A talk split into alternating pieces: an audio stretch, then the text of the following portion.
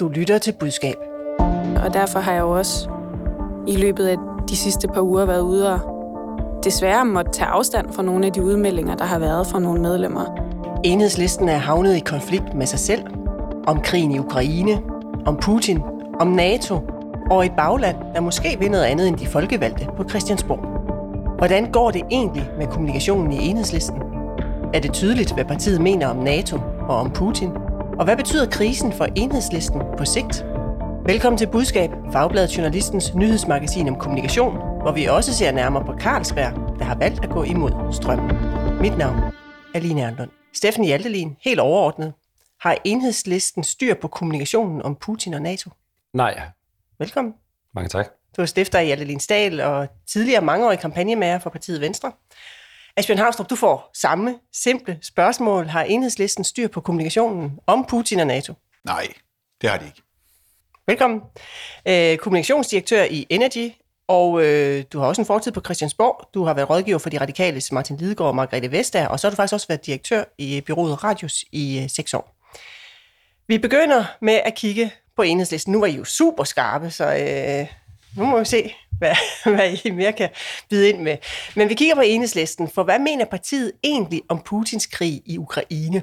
Det spørgsmål har fyldt i de tre uger, krigen har stået på, og kastet partiet ud i en stor krise i medierne. Ruslands invasion af Ukraine har skabt tvivl om, hvad enhed, enhedslisten egentlig mener. Om krigen, hvem der er skyld i den, og om Danmarks og NATO's rolle.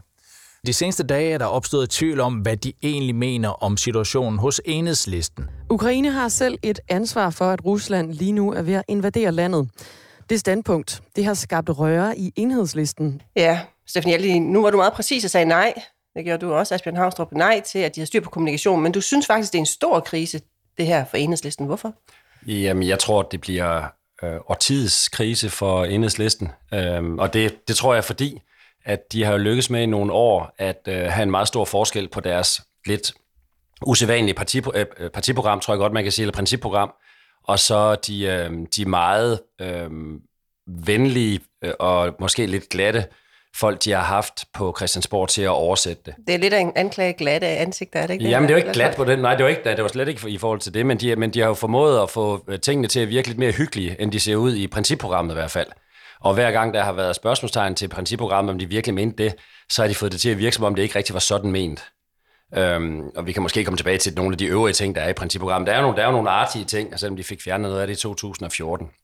Men i det her tilfælde, øhm, der, er det altså, der er det altså kommet frem, og meget, meget tydeligt, at hovedbestyrelsen, som betyder meget i enhedslisten, har et ganske andet synspunkt. Og øhm, det havde måske været nemmere at forstå i gamle dage, hvor dem, der var inde på Christiansborg, det var mænd med hjemmeklippede frisyrer og hjemmestrikkede svætre. Men, men øh, nu virker forskellen jo fuldstændig enorm. Og, øhm, og jeg vil sige, det største problem for dem, og grunden til, at det bliver et problem på sigt, det er sådan set ikke uenigheden mellem hovedbestyrelsen og Christiansborg, det er selve synspunktet. Øh, for, for, øh, så, nemlig, at, øh, man skal ud af NATO, øh, som jo er det synspunkt, der står tilbage. Så det er synspunktet, der giver problemer, og ikke diskrepansen? Diskrepansen giver problemer i et stykke tid, øh, og så er det selve synspunktet, som kommer til at stå bagefter, som kommer til at give dem væsentlige problemer, jeg gerne kommer tilbage til. Ja. Asbjørn Havstrup, du er enig i, at de ikke har styr på kommunikation, men er du også enig i, at det her det er en stor krise? Øh, nej, jeg, jeg tror, at jeg synes lige nu her ser det utrolig rodet ud, men jeg tror på den lidt længere bane, så tror jeg egentlig ikke, at, øh, at det kommer til at stikke så hårdt til enhedslisten. Og grunden er, at øh, enhedslisten har sådan et fint øgenavn, man kalder det, det de forenede dødsspor.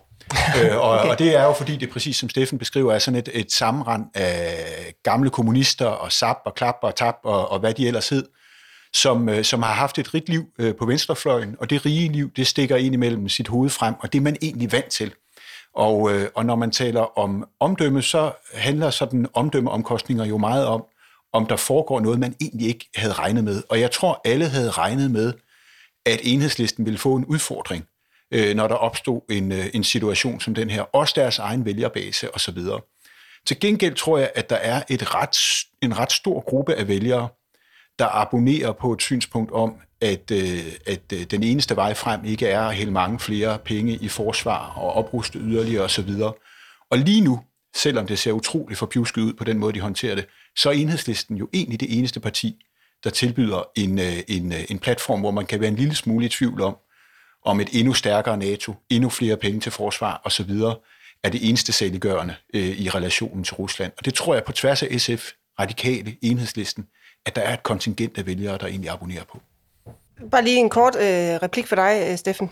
Ja, øh, uanset om det kan være, det kan have en pointe på sigt, så er der det helt særlige med enhedslisten, at enhedslisten øh, fik ved sidste folketingsvalg cirka 7% af stemmerne, cirka det samme som SF. Men, men de er meget, meget anderledes end andre partier, fordi det er faktisk sammensat af et par procent i yderkommunerne, og så helt op til mellem 15-20 procent i, øh, i byerne. Og, øhm, og man kan jo sige, at enhedslisten det er blevet sådan kartoffelrækkernes politiske pendant til en ladecykel. Og, øhm, og, og de mennesker, de mennesker, de abonnerer altså simpelthen ikke på det her synspunkt. Jeg er sådan set enig i kernen i de 2%, 3%, som er i kernen, at de er vant til, de ved, de kommer samme sted fra som de, som de gamle svætre. Men, men de nye, dem der kommer til, inklusiv i, øhm, i kommunalvalg, de, er, de, øh, de abonnerer simpelthen ikke øh, på det her synspunkt. Hvad siger du til det, at det er ladcyklen? Altså, det er Jamen, kartoffelrækkerne, man taber på det ja, her? Men jeg, jeg tror sådan set, at, at det er rigtigt, at der kan være en bevægelse. Jeg tror også, der er en mulighed øh, for Socialdemokratiet i det her, fordi de måske kan trække nogle vælgere tilbage, som, som de har tabt over tid i byerne. Men jeg tror stadigvæk, at, at når man kommer ud på den anden side, så det, der står, det er jo ikke den her øh, meget, meget hårde ting om, hvorvidt øh, man skal være en del af NATO eller ikke en del af NATO. Jeg tror, det, der vil aflejre sig som et synspunkt, det er, at, at der er et parti, der sådan grundlæggende er i tvivl om, om man skal gå den ene eller anden vej hvis man vil mere fred i verden. Og det tror jeg stadigvæk også appellerer til en hel del af dem, der kører på ladcykel.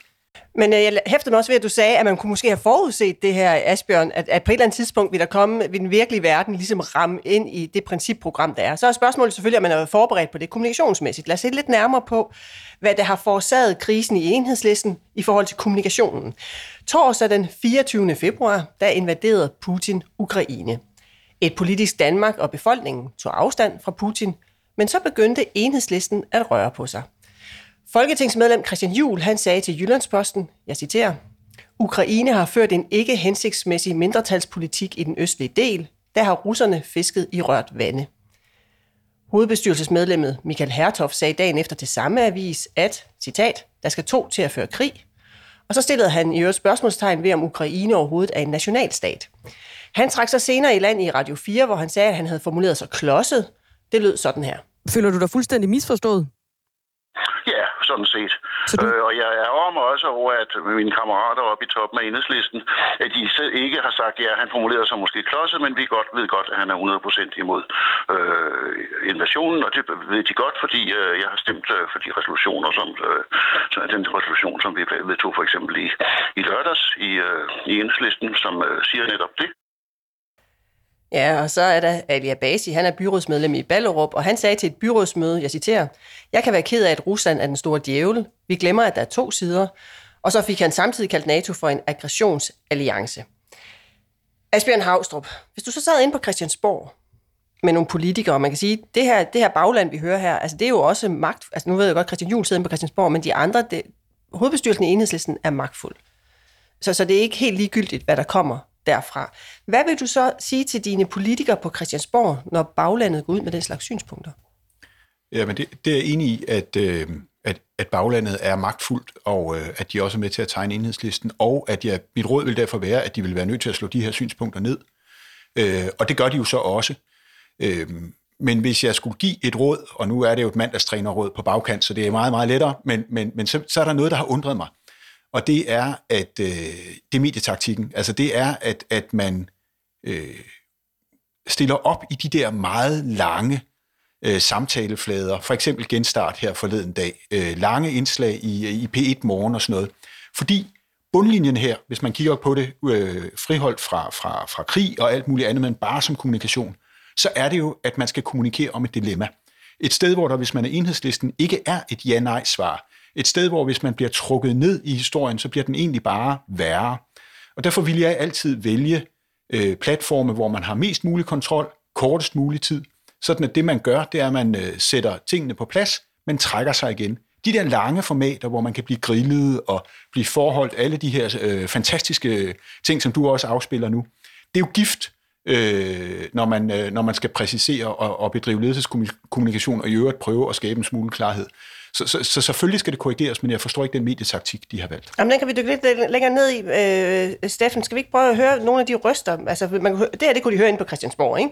Og toppolitikerne fra Enhedslisten, de står jo så ud på Twitter. Blandt andet så skrev politisk ordfører Maj Villassen, øh, på Twitter i forhold til Jyllandspostens interview med Michael Hertoft, hvor hun skriver, jeg tager den kraftigste mulige afstand fra de udtalelser. De er fuldstændig forkerte, og de er på ingen måde enhedslistens politik. Og i medierne, der kunne man blandt andet høre Pernille Skipper i P1 Morgen, også som du nævner, Asbjørn Havstrup.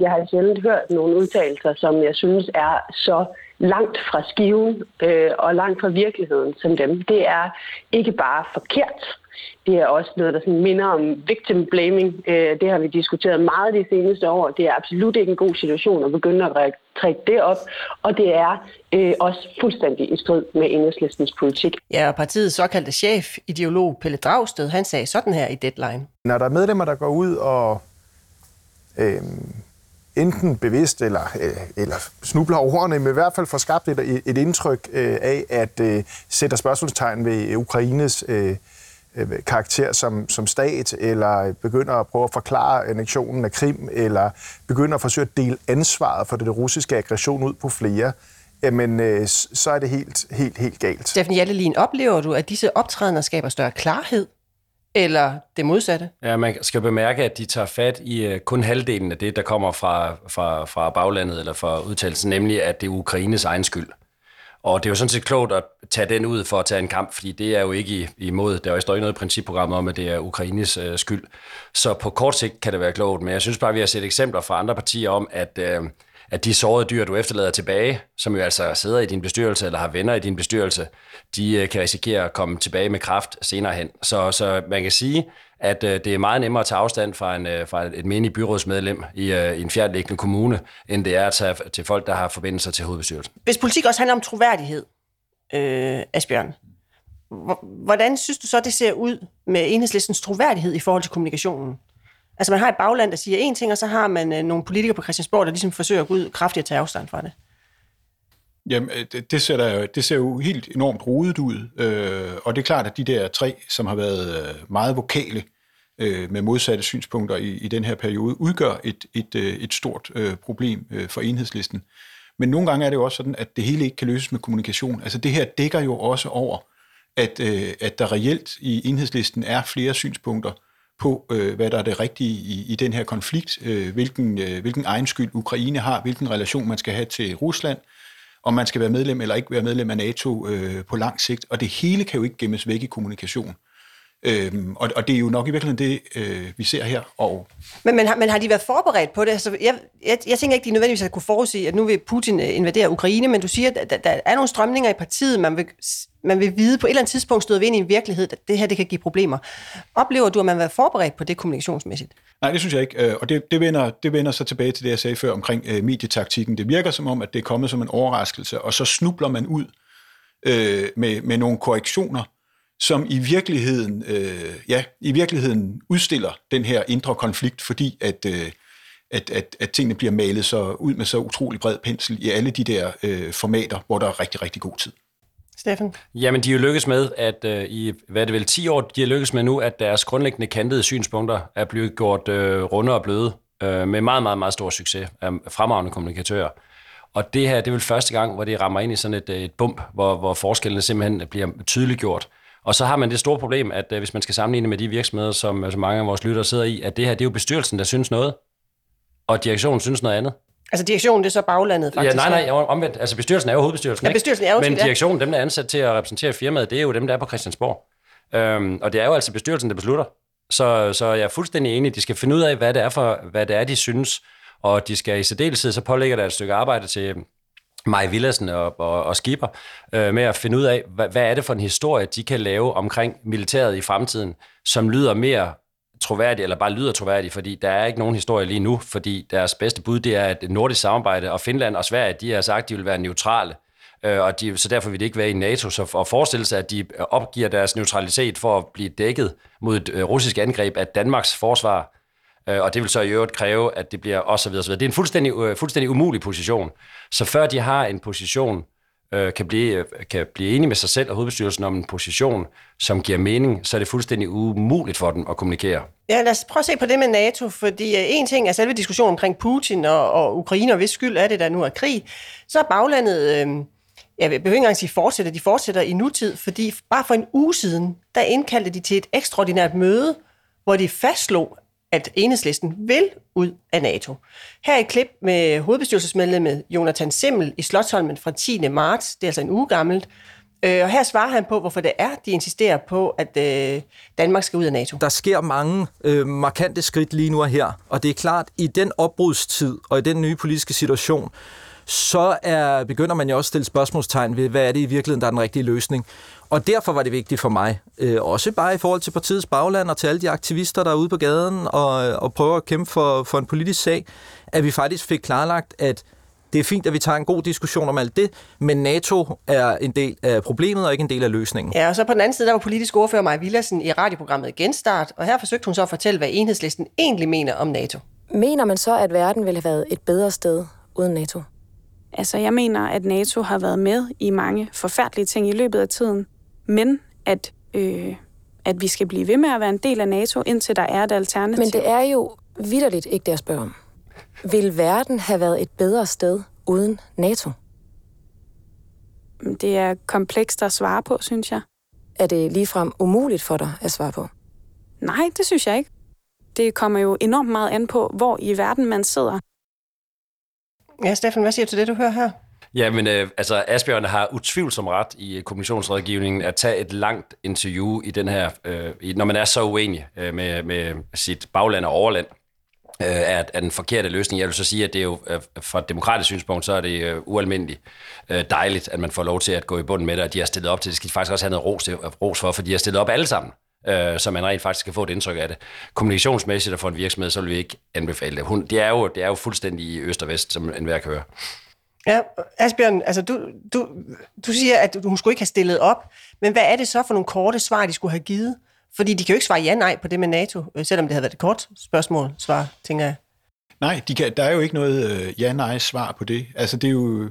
Altså, Steffen har jo ret i, at, at, øh, at, at bestyrelsen eller hovedbestyrelsen vil jo stadigvæk ud af NATO, og det er, jo, øh, det er jo det, der er blevet cementeret, og det kan man jo ikke pakke ind i, øh, det kan man jo ikke pakke ind i kommunikation og få til at gå væk. Altså, så, så, så, så, så må man jo gå ud og sige det, som det er, at på den korte bane, der vil man ikke ud af NATO, men på den lange bane, der er det stadigvæk det, der er ens politik. Og ved du, det har vi faktisk to klip, øh, der demonstrerer, at der er blevet sagt derude. Først så skal vi høre Pernille Skipper, og så skal vi bagefter igen høre Jonas Hans Simmel, som øh, jo sidder i øh, hovedbestyrelsen. Enhedslisten vil gerne melde Danmark ud af NATO. Giver det mening at gøre det i morgen, og giver det mening at gøre det uden et alternativ? Nej, så det mener jeg ud af NATO? Det er enhedslistens holdning. Vi, vil, vi har i årvis... Men det ikke gør, i morgen? Øh, nej, præcis. Det er det, jeg siger. Men hvis muligheden var der i morgen, så ja, så vil jeg også mene, at så skulle man ud af NATO i morgen. Så hvis man spørger dig, skal Danmark ud af NATO i dag? Ja, hellere, hellere i går end i dag, og hellere, hellere i dag end i morgen. Altså, det her det er sådan noget, Steffen Jalledin, som medierne elsker at svælge rundt i. Mm. Ikke? Altså de her kriser, nogen siger et, og nogen siger noget andet. Og så kan det godt være, at man i enhedslisten øh, kan rumme de her forskellige strømninger. Hvordan skal man så håndtere det i forhold til den offentlighed, der står derude, og de medier, der står derude, som måske ikke kan håndtere, at der er sådan nogle forskellige strømninger i et parti? Jeg tror, der er to muligheder i den her sag. Enten at det går i sig selv, øh, fordi det ikke lykkes modstanderne at øh, holde det varmt. Øh, og det vil modstanderne i det her tilfælde, dem der burde have interesse i at holde det varmt, det er jo SF og Socialdemokratiet. De borgerlige gør også noget for det, men de, der får jo næppe mange affaldende stemmer fra, fra enhedslisten, eller frafaldende stemmer fra enhedslisten over til, til venstre eller konservative. Så, så det kan man jo håbe på. Hvis ikke det går væk, og hvis der fortsat vil være den her grundlæggende uenighed, så mener jeg sådan set kun, at der er øh, en, en mulig udvej, det er, at man bliver enige, eller at øh, de tre øh, forlader partiet og øh, måske melder sig ind i SF. Altså Hvilket, de tre, hvem er de tre, så der tænker ja, du ikke på dem i hovedbestyrelsen? Nej, nej Dragsted, Skiver og Villersen. Ja. At de, at de uh, melder sig ud af partiet uh, på grund af den her grundlæggende uenighed og, og går ind i uh, SF, som jo vil være en, en fuldstændig game changer, kan man sige, på venstrefløjen i dansk politik. Men det er en stor ting. Altså det er militær, ikke militær. Det er vel uh, meget, meget tæt på essensen i, uh, i enhedslisten. Og det er en meget, meget stor ting, hvor, hvor ledelsen er uenig med bestyrelsen. Så du forudser et partihop? Ja, for, enten, det er så finder de, det enten, finder de en, enten finder de en, en, en, en fælles historie, der er bedre end et forslag om et uh, nordisk samarbejde med to neutrale lande som alternativ. Uh, og ellers så, så, ja, så kan de jo håbe på, at det går væk. Hvis ikke det går væk, så er det ikke urealistisk med et partihop. Okay, Asbjørn Havstrup, det må vi jo se om, øh, om Steffen. Han, øh, han er blevet bedre, vi så her, men, men øh, hvad, hvad vil din rådgivning være i forhold til, at man har nogle medier, som jo elsker de her uoverensstemmelser og konflikter internt i nogle partier? Øh, hvordan, du siger, man skal svare kort her og nu under krisen, men hvordan håndterer det på den lange bane? Jamen, altså, jeg, jeg tror, at man er nødt til at, at, at blive ved med at svare relativt kort, og så skal man selvfølgelig have en levende intern diskussion om, hvordan øh, man placerer sig, og, og appellere til øh, det fælles bedste, kan man sige, at man er nødt til at finde noget, øh, alle kan være i. Det er jo i virkeligheden mere et stykke ledelseskommunikation, end det sådan er et, et stykke ekstern kommunikation. Det der bare er, nu startede du med at spørge til den langsigtede effekt af det her. Altså, der var et indslag i, i tv forleden, der handlede om øh, findernes øh, interesse i at, øh, at blive medlemmer af NATO. Og det er sådan noget med, at for fire uger siden, eller fem uger siden, der var det 12 procent af finderne, der gerne ville øh, være medlem af NATO. Nu er det 62 procent af finderne. Og jeg synes egentlig, det er et, et meget godt udtryk for, øh, hvor utrolig hurtigt positionerne flytter sig, øh, når der sker noget, der er så alvorligt og forfærdeligt, som det, der sker i, øh, i Ukraine. Men det betyder jo også, at, øh, at, at tingene finder en anden ligevægt på lidt længere sigt. Og det, og det er her, jeg er lidt i tvivl om, om, øh, om det behøver at have helt de voldsomme øh, perspektiver, som, som Steffen ruller op, eller man i virkeligheden godt kan, kan lægge den lidt død og komme videre, og så bare stå et sted, hvor man siger, jamen, det er klart, at det her er svært for os, fordi vi grundlæggende, grundlæggende altid er rigtig meget i tvivl om det med militær og oprustning. Øh, også selvom de i øvrigt har stemt for at sende våben til Ukraine. Ja, og så lad os lige runde af med bare den nyeste måling fra Voxmeter. Den viser den dårligste måling for enhedslisten i et år. 7,6 procent af vælgerne vil stemme på dem nu. For et år siden var det tal på 9,5 procent. Og øh, ved valget i 2019 lå de på 6,9 procent, så de der 7,6 procent i dag er trods alt bedre end valgresultatet i 2019. Jeg kan jo ikke sige, at den her måling, det skyldes NATO og Putin og hele den debat. Men hvad øh, bliver sådan en måling brugt til øh, af de andre partier på venstrefløjen, øh, Steffen Jallelin? For det er jo sådan noget, du også ved noget om. Ja, men det betyder jo, at de kommer til at veje morgenluft på den. Altså, jeg er helt, faktisk helt sikker på, at, øh, at de samtidig har det, som Asbjørn siger, siger med i overvejelsen, at det skal jo ikke være lige pludselig sådan, at man er pro-våben og pro-militær øh, meget, meget i øh, SF. Altså man skal passe på, hvordan man sætter positionen. Øhm, men jeg er ikke i tvivl om, de vejer morgenluft, når, når, når, når opponenterne de, øh, de bløder i meningsmålingerne. Det har jeg været i det længe nok til, at det, det er en, øh, det er svar til, at København til, at Brøndby har tabt en kamp. Okay, og så må vi se, om der kommer et partihop fra tre øh, profiler i enhedslisten. Det er spændende. Øhm, ja, vi skal videre til dagens andet emne.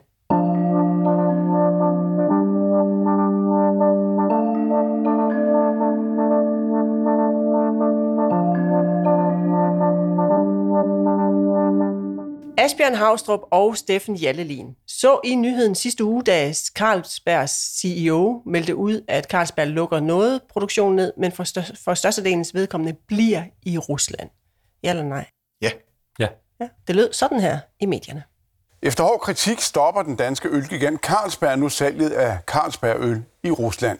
Men den danske bryggerigigant vil dog fortsætte, eller fortsætte med at producere den lokale russiske øl Baltica. Og det sker, fordi man ønsker at understøtte de over 8.000 ansatte og deres familier, meddeler Carlsberg. Og den danske virksomhed sidder på næsten en tredjedel af det både ukrainske og russiske ølmarked. Steffen Jallelin, er det en svær opgave at kommunikere, øh, at man bliver i Rusland, når alle andre mener, man skal gå ud? Ja, det er jo øh, er det helt sikkert. Og der, jeg synes, at tingene har, har ændret sig faktisk øh, kommunikationsmæssigt i de her sager. Jeg, jeg vil faktisk påstå, at det er blevet noget enklere, ikke nemmere, men enklere at læse det kommunikationsmæssigt, men noget sværere at udføre det for alle de andre funktioner. Der er sket det med sociale medier, at, øh, at der opstår en, hvad man kunne kalde en medierigtig position i løbet af meget kort tid. Altså en uge, 10 dage, så opstår der en medierigtig position. Øhm, og sådan en konsensus om, hvad, hvad er det rigtige at gøre her. Vi så det med corona, der var det rigtige at bakke op om alle restriktioner, og måske endda gå længere og overimplementere i forhold til det. Og her, der har det jo helt tydeligt, at den medierigtige position har været, at man har trukket alt ud. Ikke? Og det kan også være, at der er nogle af de første, der har meldt sig på det, har det måske ikke haft så store omkostninger på, og så kommer der så nogen senere, men også nogen, der har haft enormt store omkostninger med, der har gjort det. Det har været en rigtig beslutning. Og i modsætning til for 30 år siden, hvor man gjorde den her slags, så tror jeg, vi kunne have haft alle mulige forskellige synspunkter, fordi hvis du har taget en rigtig beslutning, hvor pokker skulle du så meddele det, henne, han har sagt? Altså, du kunne ikke øh, komme i hverken politikken eller, eller, eller, eller i, i, i tv-avisen, hvis du havde lavet en rigtig position. Her kan du tage den medierigtige position, og så melde det ud på Twitter. Øhm, og, øhm, og det betyder så, at der kommer et enormt pres på dem, der har en sværere position. Så, så det er blevet øh, utrolig svært at have det, øh, det øh, ikke medierigtige, kan du sige, position på, på, på området. Så lad os høre lidt mere til Carlsberg, fordi i denne uge havde de generalforsamling, og der benyttede virksomhedens direktør, Ceest Hart, hedder han, lejligheden til at give interviews om Carlsberg fortsat vil producere i Rusland. Jeg skal lige sige, at Carlsberg har i dag otte bryggerier i Rusland. Øh, det svarer til en tiende del af koncernens omsætning. Carlsberg har meldt ud, at produktionen vil fortsætte i Rusland, men foregå uden Carlsbergs label på flaskerne, og overskuddet vil gå i en støttefond. Jeg skal lige sige, at øh, nu kommer sidst og det er altså på engelsk, så vi skal lige uh, høre godt efter. We have uh, one fifth of our uh, uh, employees working uh, and living in uh, Russia, depending on us. Uh, and also, uh, we need to make sure that uh, we understand what the consequences are uh, for our assets uh, uh, for, uh, when, when we move out of, uh, out of Russia. Ja, han siger altså her, at en femtedel af vores personale arbejder og bor i Rusland, og de er afhængige af os. Vi må også sikre os, at vi forstår konsekvenserne for vores aktiver, når vi trækker os ud af Rusland. Øh, Asbjørn Havstrup, hvordan slipper han afsted med sin kommunikation her, synes du, om på generalforsamlingen? Altså, jeg er fuldstændig enig i alt det, Steffen lige har sagt, og samtidig vil jeg så sige, at jeg synes, at, at de slipper faktisk forbavsende øh, godt afsted med det. Forstået på den måde, at, øh, at det er jo sådan set det tætteste, man kan komme på et stykke ærlig kommunikation, det han leverer her. Selvfølgelig siger han det med medarbejderne først. Øh, det er trods alt det mest sympatiske, men han putter ikke engang øh, med det, der er det reelle, nemlig at, øh, at de risikerer, at noget, de har investeret massivt i de sidste 20 år, øh, bliver nationaliseret eller givet videre til nogle russiske oligarker, øh, og, øh, og ejerne derfor skal tage et, øh, et, et relativt øh, stort øh, tab. Øh, han siger det jo næsten, kan man sige, øh, som det er. Og, øh, og det overraskende er jo, på trods af, at de har den medieurigtige position, som Steffen siger, at der jo ikke har været et, øh, der har jo ikke været et stort rabalderskrig. Der har været nogle pæne interviews i TV-avisen og på news med nogle af de her erhvervsrapporter, der stiller pæne spørgsmål. Øh, de har sendt øh, den første mand ud, ikke nogen kommunikationsdirektør eller andre. Øh, og, og indtil videre er de jo sluppet øh, noget omkring med det. Hvorfor der... tror du, de slipper noget afsted med det? For vi så jo Ørsted, det var så på dag 1 selvfølgelig efter krigen. Altså det, det, det gik jo lige modsat. Jamen vel i virkeligheden, fordi at øh, vi, I har snakket om det i en tidligere budskab her, at, at Ørsted jo kom på bagkant af, af den her kommunikation. Det gjorde Carlsberg sådan set også en lille bitte smule i starten. Men så stiller de op med første mand, og de pakker, og de pakker det ikke ind. Og så har de jo så trukket deres kendte brand ud af Rusland. Men det er klart, at, at faren er jo på ingen måde drevet over. Altså hver dag står de jo op til en kæmpe, kæmpe, kæmpe øh, risiko kommunikationsmæssigt, øh, fordi lige pludselig er der en eller anden kampvognsenhed, der fejrer en, øh, et, et, et smad, en smadret boligblok med en af deres øl, øh, der fylder billedsiden i de internationale medier, og så gør det virkelig, virkelig ondt på deres brand, også selvom Carlsberg-brandet er trukket ud. Så, så, men, men, men der, er ikke, altså, der har ikke været det der ramaskrig, øh, som, som man kunne forvente med sådan et bredt forbrugerbrand. brand og de aktører, eller stakeholder i hvert fald i Danmark, der har udtalt sig omkring, jeg tror, der var også et par runder med nogle politiske øh, ordfører og ting og sager, de siger, at de er forkert, men de forstår det godt. Altså, det er sådan en meget afdæmpet reaktion i virkeligheden. Øh, og det tror jeg, fordi de har taget det upfront og nogenlunde ærligt. Ja, for skal vi ikke lige prøve at se på nogle af de kritiske røster, der, der, der er derude nu, når du nævner dem.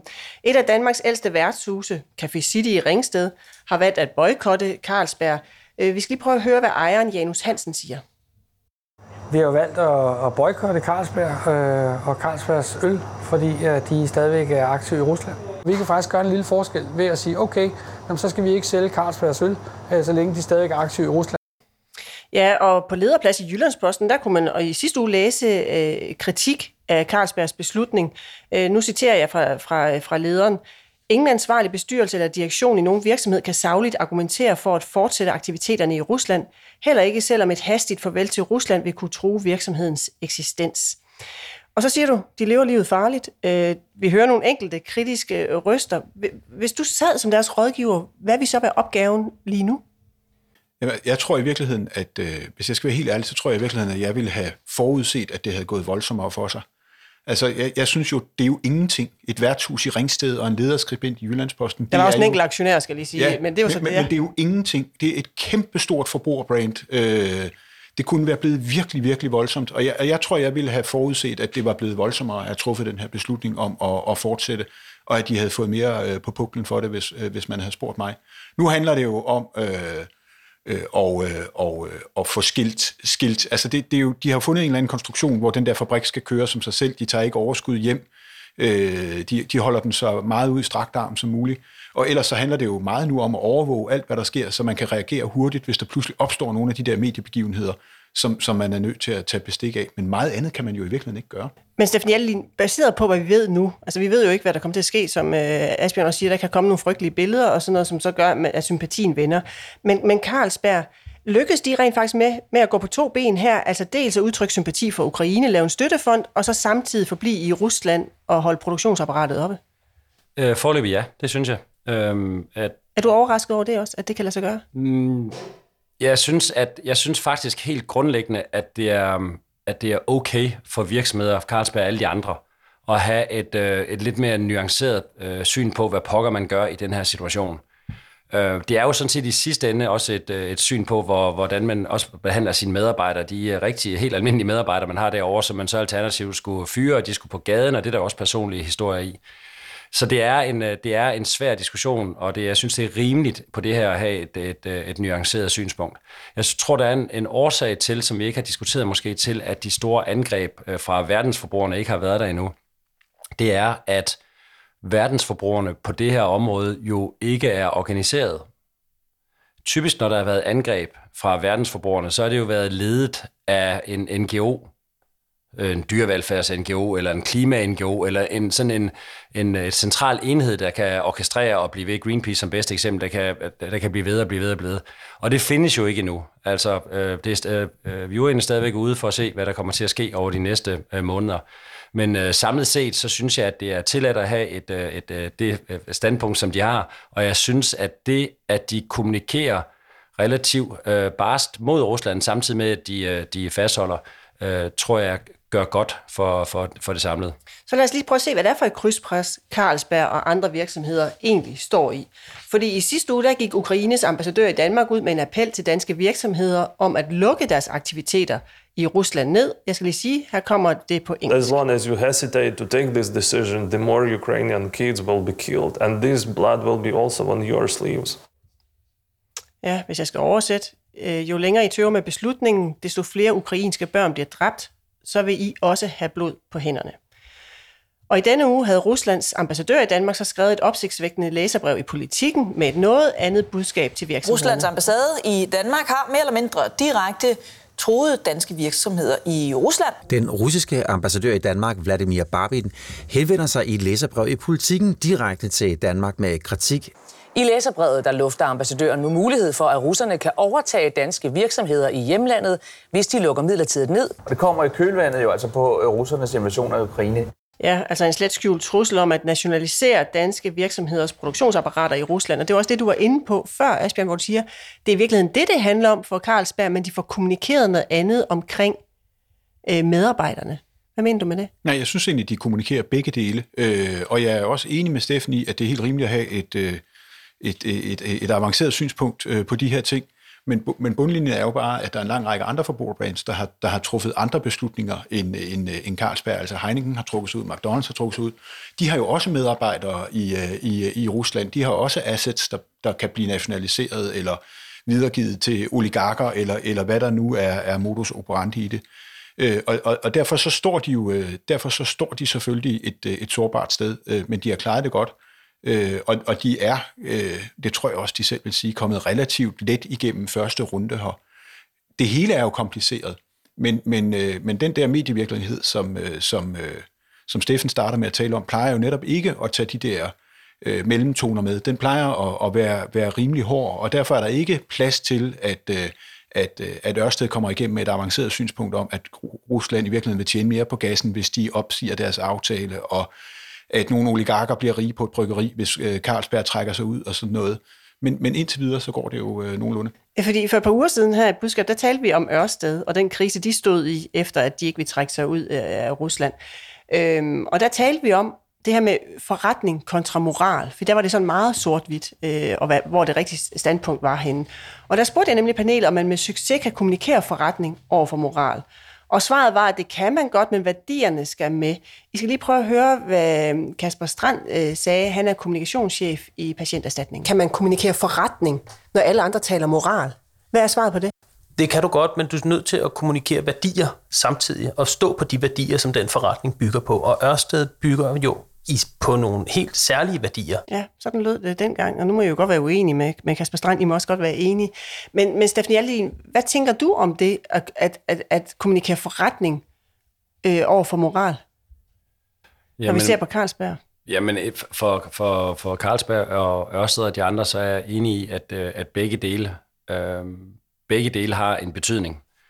Og jeg tror sådan set, at min, min samlede konklusion i det her, det er, at det er, at det er meget okay at tænke sig om. Altså, at det, det, det, er simpelthen, øhm, det er simpelthen urimeligt at pålægge nogen at skulle tage en beslutning på den uge, det tager sociale medier at blive enige om, hvad den rigtige beslutning er. Men det var det jo ikke for Ørsted. Nej, Ørsted er, Ørsted er en sag på, lidt anderledes sag på flere forskellige punkter. For det første er der stort, der er stort statsligt ejerskab. Der er en, øh, det var på energiområdet, og det vil sige, at det var politikerne, der blev tvunget til at tage stilling til det her. Og her der er jo nærmest en en til en. Det er Ruslands eneste indkomst, og det er den eneste indkomst, som bruger til at finansiere krigen. Så det er, en, øh, det er et, et stykke væk fra, fra, fra nogle af de andre områder, vi har, vi har set. Så derfor var det endnu mere på spidsen. Men hvad bliver slutproduktet på Ørsted? Der købes fortsat, fortsat gas. Så der er jo altså også, en, uanset om man vil det eller ej, så er der jo en forretningsmæssig virkelighed, inklusiv for Ørsted. Ser du Carlsberg kommunikere værdier? Øh, Asbjørn, jeg, jeg ser jo, de forsøger øh, ved at tage medarbejderne først, øh, ved at, øh, at oprette de der støttefonde, ved at være kras i kritikken af det, der, i, i det, der foregår i Rusland.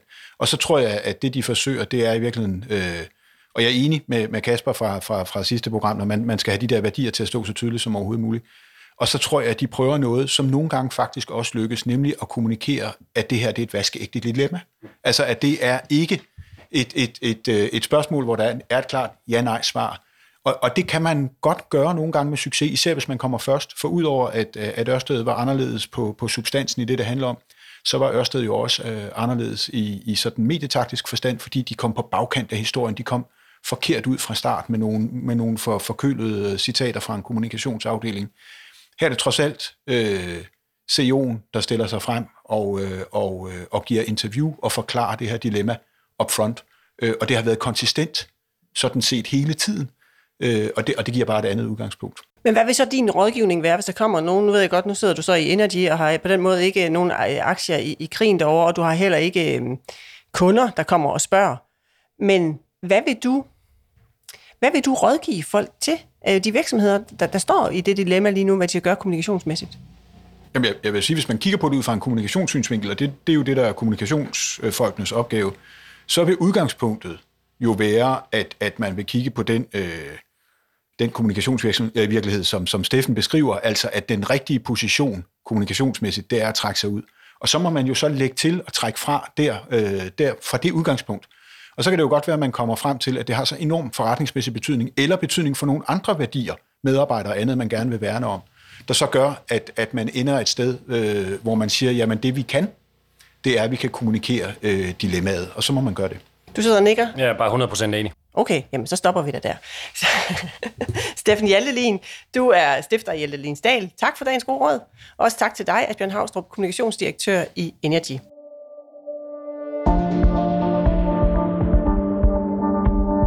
Du lyttede til Budskab, der er skabt af Fagbladet Journalisten. Redaktør er Marie Nyhus. Rakkerpark Productions står for lyd og teknik. I dagens afsnit har du hørt klip fra P1, DR2, Radio 4, TV2 og TV2 News. Du kan abonnere på vores podcast. Giv den meget gerne en anmeldelse på din vej. Mit navn er Line Erndlund. Og husk, ord er ikke bare ord. Tilsammen udgør de dit budskab.